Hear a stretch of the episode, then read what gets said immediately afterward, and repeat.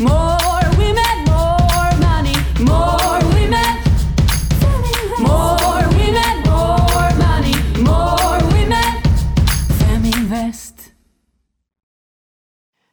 och välkommen till Feminvest Direkt. Jag heter Anna Svan och eh, driver Feminvest sedan januari i år. Eh, idag ska vi prata lite robotrådgivning och eh, digitalisering med före detta Prime Pilot som nu heter Fundler med Ulf och Anton. Välkomna! Tackar. Tack så mycket. Eh, ni har ju som sagt grundat Prime Pilot som nu heter Fundler. Ni bytte namn ganska nyligen. Eh, vill ni berätta lite vilka ni är och vad det är ni gör? Ja, eh, Ulf Arner heter jag. Jag var aktiehandlare på Handelsbanken i några år och sen så fick jag för mig att jag skulle starta eget med eh, Anton. Och eh, vi träffades på Handelsbanken egentligen och så körde vi igång för ett antal år sedan. Eh, och det är väl på den eh, vägen kan man säga. Mm, vi har hängt ihop nu i sju år eller vad det är. Ja, det är väl något sånt. Eller tio till och med om man tar hänsyn till det privata. Ja, tio år privat då. Alltså. Ja, nej, och, ja, Anton Fagerlund heter jag som sagt var. Och, eh, jag träffade Ulf eh, under min korta resa på Handelsbanken. Eh, men sen så gav jag mig in egentligen i investeringsrådgivning. Så att jag jobbade med det i sju år. Men eh, framförallt senaste ja, dryga tre åren så kör vi Fundler ihop. Och annars är jag väl en glad hundägare som gillar att resa och ja, dyka eftersom att jag har tagit ett dykcert här nyligen. Och vi har ju faktiskt sett i Hundrastgården Ja. gånger. Exakt. Exakt. Eh, Men ni är ju faktiskt också ganska bra på digitalisering inom finans. Jag tänkte att vi skulle prata lite om det innan vi går in mer på vad Fundler gör. Eh, Och vad menar vi egentligen med att sparandet blir mer digitaliserat? Ja, egentligen så är väl tankegången med det, att det ska vara mer lättillgängligt. Man ska inte behöva boka in ett möte någonstans om två veckor och ta ledigt från jobbet och träffa någon som egentligen pratar i termer som man inte förstår. Utan eh, det finns där rakt i mobilen, man kan accessa det när som helst. Så den största fördelen med den här digitaliserade delen är att det blir mer lättillgängligt för användarna. Ja, bland annat det. Och då kan man ut till den stora massan också. Exakt. Men varför händer det här eh, just nu? Varför har det inte hänt tidigare? Ja, en av de stora förklaringarna egentligen till det, är ju att eh, i finans så måste man identifiera kunden och tidigare så har man inte kunnat göra det på avstånd. Men eh, tack vare det mobila bank-id som finns så vet man ju vem kunden är även genom mobiltelefonen. Och då kan man egentligen digitalisera även den här branschen. Och Ulf, du och jag diskuterade ju tidigare det här missförståndet på skillnaden mellan robotrådgivning och robothandel. Ja. Och ni sysslar ju med rådgivning. Vill du berätta, bara klargöra vad skillnaden är? Ja, alltså, robothandel är någonting som har existerat sedan 80-talet. Så det är liksom inte så särskilt nytt egentligen. Och det går ju ut på att du ersätter förvaltaren av en fond med en dator till helt eller delvis. Men i det här fallet med robotrådgivning så handlar det om att man ersätter den andra delen, vilket är försäljningen egentligen. Alltså, eh, oavsett hur bra förvaltning man har så hjälper det ju inte ifall ingen vet att den finns. Så det är den delen, just att distribuera eh, fonden som automatiserad rådgivning handlar om. Så det landar ju i, i att man plockar bort egentligen en säljare i grund och botten och ersätter den med mobiltelefonen.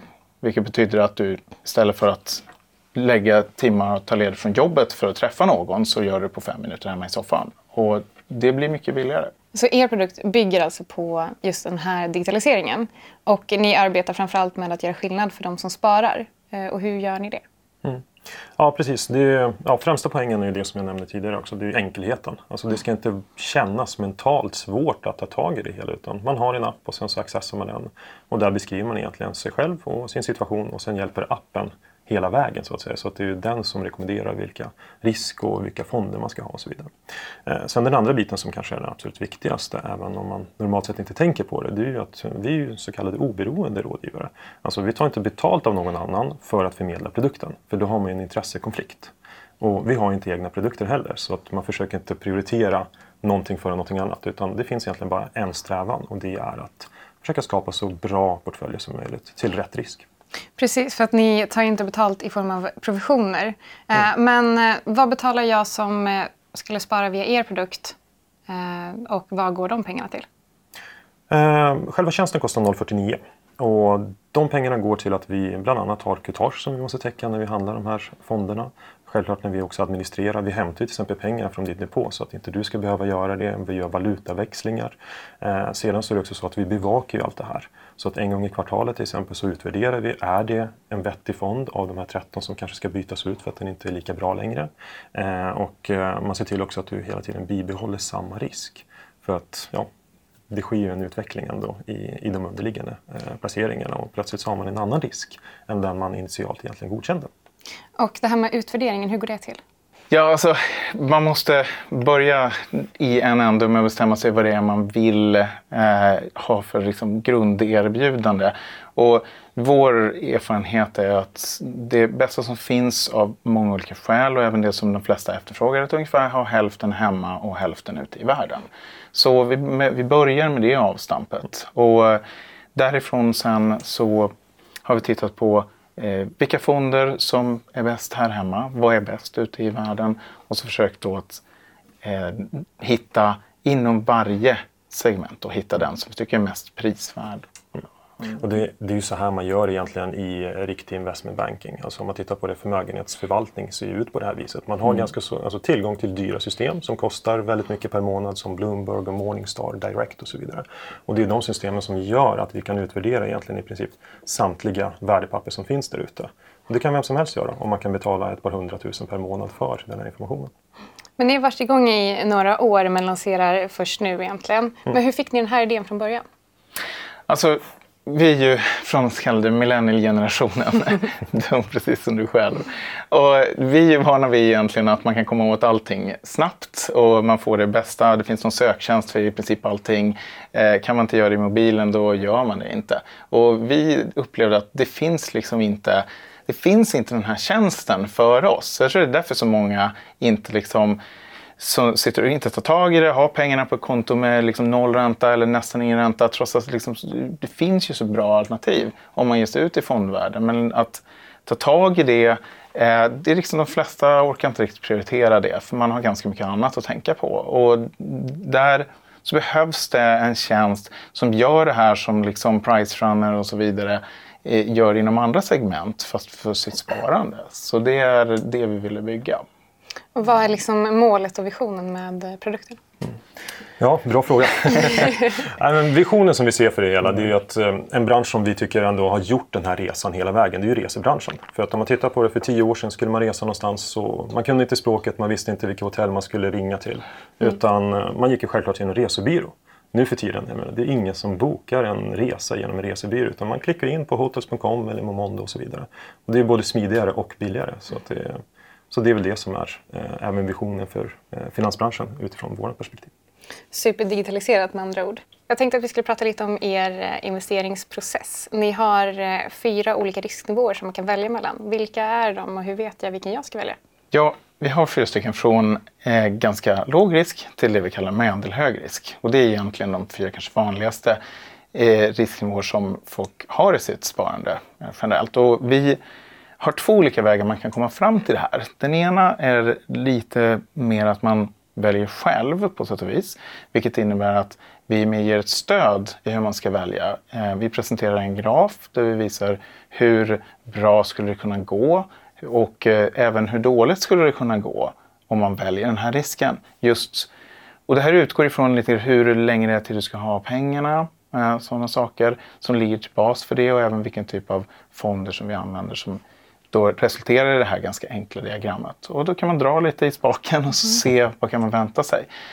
Ehm, och i det andra fallet så är det mer som det är i en personlig rådgivningssituation. Man svarar på ett antal frågor om vad man tjänar och, och liksom vad har man för, eh, hur mycket sparande har man, hur mycket barn har man barn eller andra kostnader liksom som måste hänsyn till.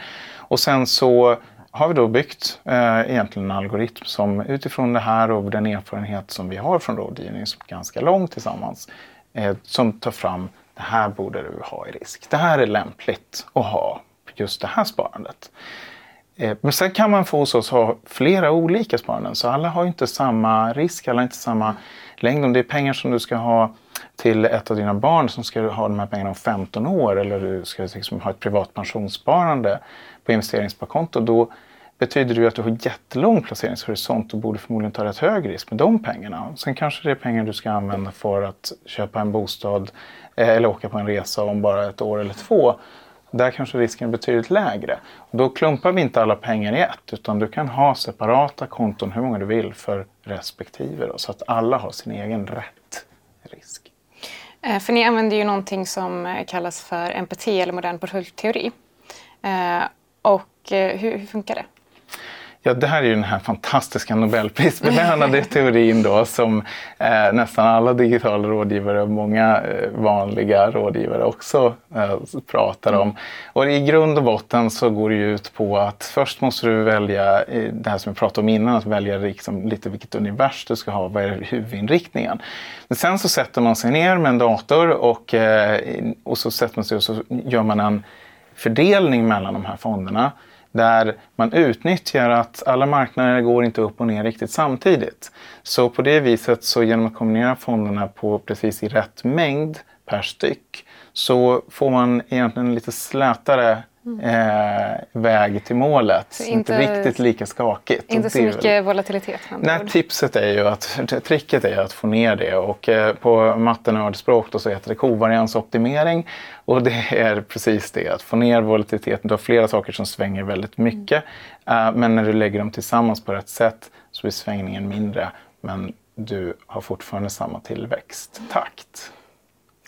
Och eh, det här gör också att ni har ju både, alltså ju lägre risk desto mer räntebärande papper har jag förstått.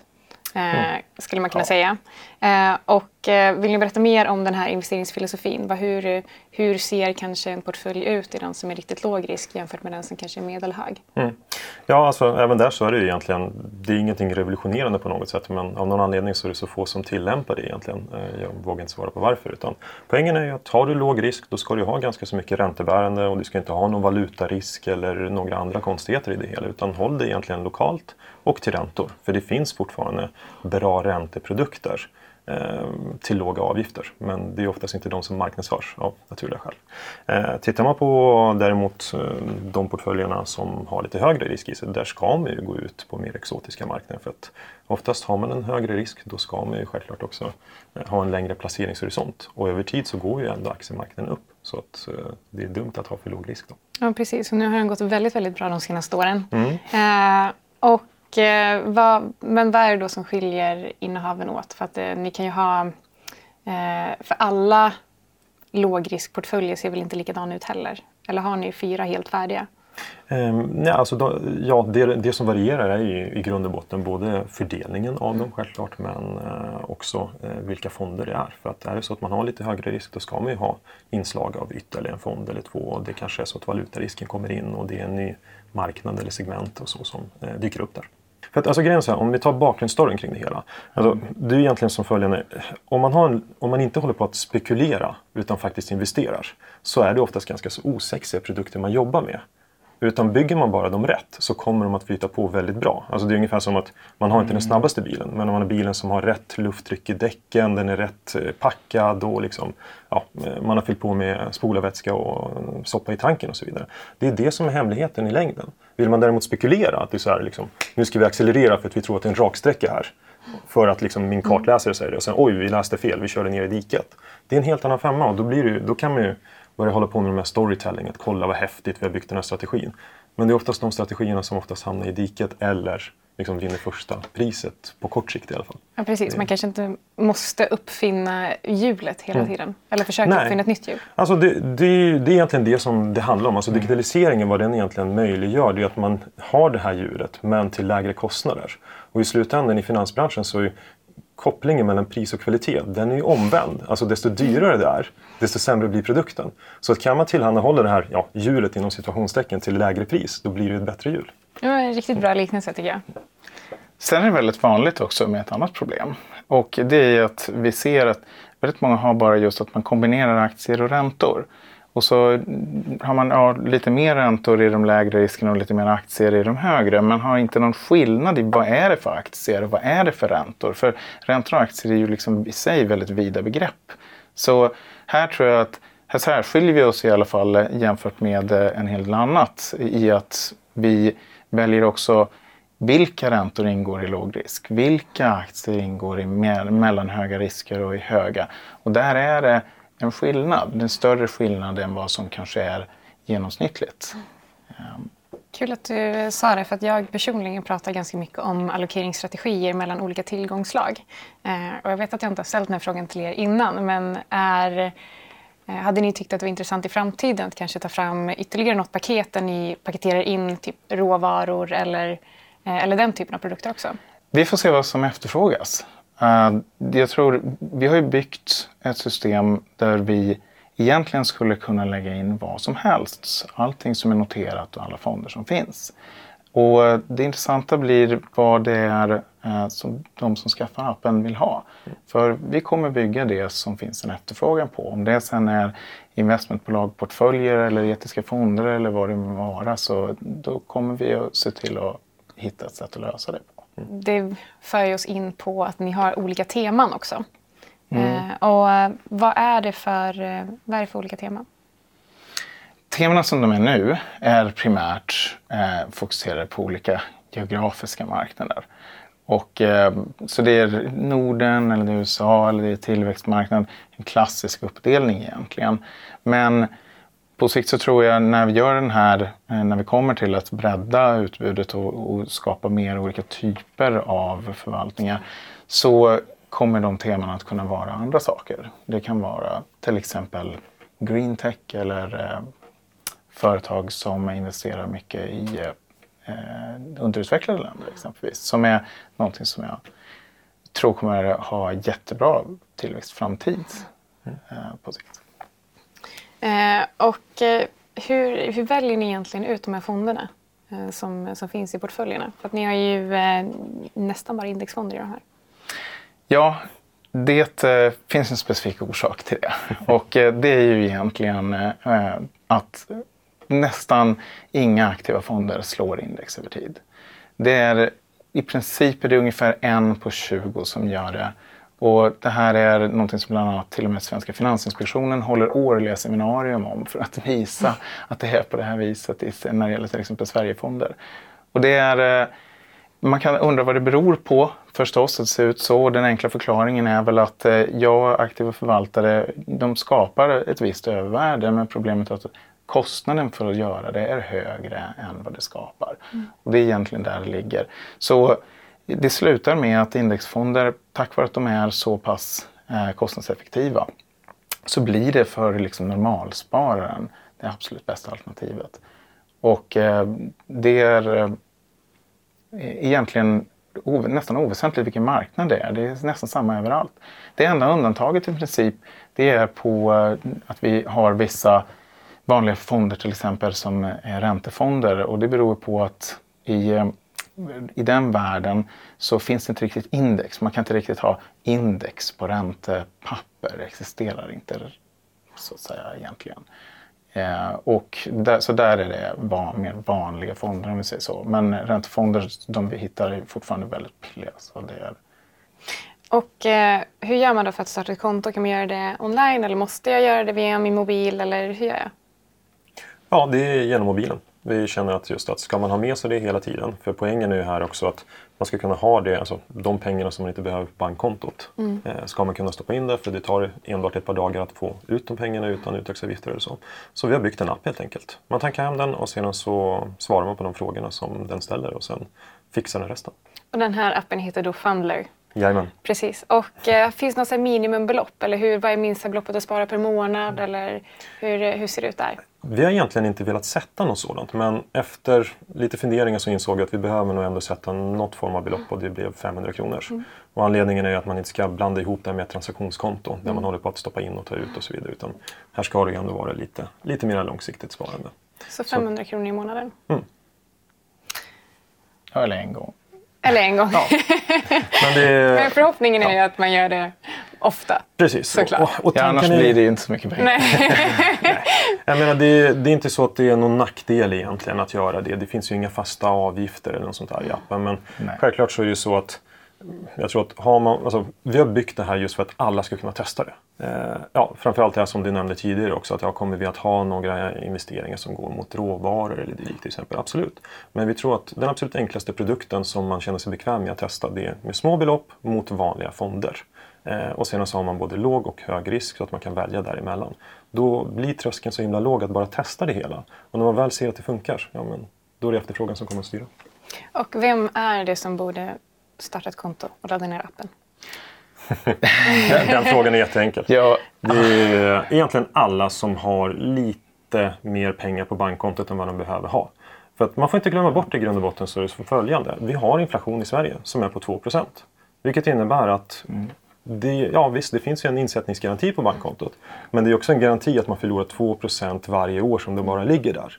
Så har du ingen behov av delar av dina pengar som ligger på bankkontot, stoppa in dem där. Sen om du kommer på om ett par månader att du faktiskt behöver delar av de här pengarna, ja men ta ut det. Det finns ju inga transaktionskostnader för det. Så äh, egentligen alla. Och äh, om man förlorar pengar på att ha dem på ett sparkonto, det kan vara bra att komma ihåg för de som kanske inte har kommit igång och spara än. Mm. Äh, men ja, jag håller med. Har du 50 000 kronor på kontot så förlorar du 1000 kronor varje år. Så att det gör ju skillnad. Eh, och det hjälper inte att ha en ränta på liksom 0,5 procent. Det innebär bara att du förlorar, förlorar 750 kronor per år. Och eh, om man då drar en jämförelse med vad man faktiskt blir av med när man står utan avkastning, då är det mer än 1000 kronor per år. Ja, då, där kommer ju den andra sidan förstås. Så börjar vi ta hänsyn till hur mycket hade du tjänat om du hade investerat i börsen Precis. istället. Då vill man nog helst blunda. Så man kan, Eller börja investera. Ja. så man kan väl summera ihop det att jag menar, sätt pengarna i arbete istället för att de liksom, ligger och sover på kontot medan man själv sitter och sliter för sin lön. Utan det ska ju självklart vara tvärtom. i Det är du som ska ha semester, inte dina pengar. Ska Ja, lite så. Ja, precis. Ja, låter bra, jag ska lära mig det. Eh, det var jättekul att ha er här. Tack så mycket för att Tack så kom mycket. hit. Tack för att du tog emot oss.